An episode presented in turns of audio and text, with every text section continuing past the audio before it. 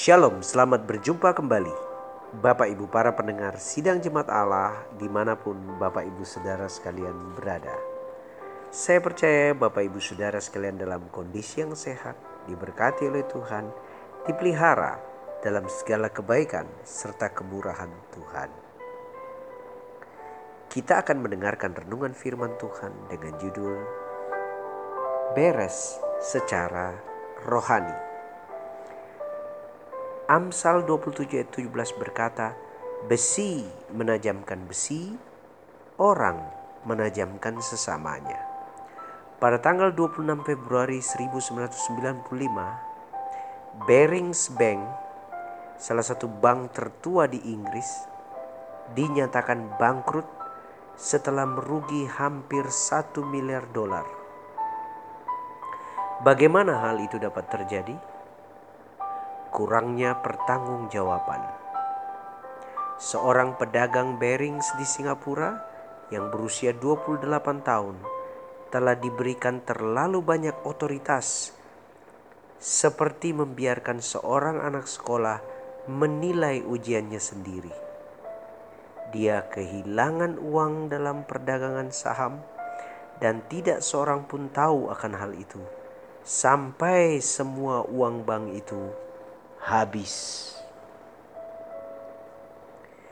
Sekiranya pedagang itu dikelilingi oleh penasehat-penasehat yang lebih dekat dengan dia, maka kegagalan-kegagalan dapat diketahui sebelum mereka terjun bebas.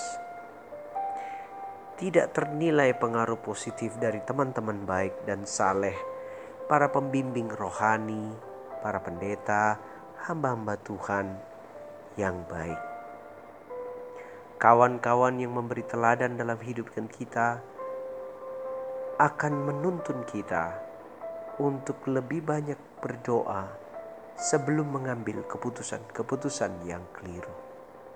Akibat-akibat negatif dan merugikan sering kali kita dapati ketika kita hendak mengambil satu keputusan dan kita meminta pertimbangan pada orang-orang yang tidak berkompeten, pada orang-orang yang tidak memiliki kompetensi untuk hal itu. Kadangkala juga kita meminta petunjuk pada orang-orang yang tidak memiliki pemahaman, pengertian, bahkan kita meminta petunjuk pada hal-hal yang sifatnya mistis. Meminta petunjuk dari para ahli tidaklah salah, Bapak Ibu Saudara sekalian. Meminta petunjuk daripada orang-orang yang berkompeten di dalamnya juga tidaklah salah dan justru malah menolong kita. Tetapi kita mesti tahu bahwa batasan para ahli adalah mengenai masalah yang akan kita selesaikan. Sementara ketiga kita mendekatkan diri pada Tuhan, pada saudara-saudara seiman, pada orang-orang di sekeliling kita, akan menolong kita mengambil keputusan yang tepat berdasarkan kehendak Tuhan. Memang tidak mudah menemukan kehendak Tuhan, tapi damai sejahtera, bisikan Roh Kudus, bahkan suara firman Tuhan akan kuat sekali di hati kita ketika kita hendak mengambil keputusan. Kadangkala kita bingung. Ya, kadangkala kita tidak tahu apa yang harus diambil. Mungkin kita sebagai pimpinan, mungkin kita sebagai bawahan, mungkin kita sebagai seorang manajer, atau mungkin di antara kita sebagai seorang usahawan tidak tahu mana yang harus diambil. Tetapi seorang bisnismen yang percaya kepada Kristus sebagai Tuhan dan Juru Selamatnya, dia harus mengambil keputusan berdasarkan apa yang dikatakan oleh firman Tuhan. Tidak mudah, ya. Karena itu, seorang yang cinta Tuhan akan memperdalam dirinya di dalam firman Tuhan. Keputusan-keputusan akan diambil berdasarkan apa yang dikatakan oleh Tuhan. Mungkin tidak mengenakan, mungkin menyakitkan, dan kadangkala kita harus menjalani jalan-jalan sulit. Tapi jika itu kita melakukannya berdasarkan firman-Nya, tentu itu akan menguatkan kita. Nah, Bapak Ibu Saudara yang dikasih Tuhan, baiklah kita ingat bahwa dalam budaya kita kebanyakan orang hanya mempunyai sedikit teman, sahabat yang rohani.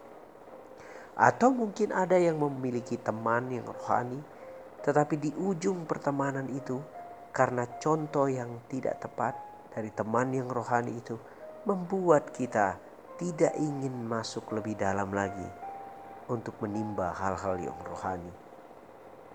Kadangkala kegagalan saudara-saudara seiman kita yang menjadi batu sandungan membuat kita tidak bersemangat lagi mengikut Tuhan. Itulah sebabnya Amsal berkata, manusia menajamkan sesamanya.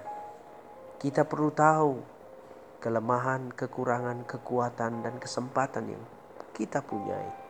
Supaya apa? Kita dapat memperbaiki diri menjadi orang yang lebih baik lagi. Bapak Ibu Saudara yang dikasih Tuhan, keputusan harus diambil dengan pertimbangan. Dan dasar dari pertimbangan adalah firman Tuhan. Itu akan membuat kita melangkah maju dengan kepastian dan kesungguhan.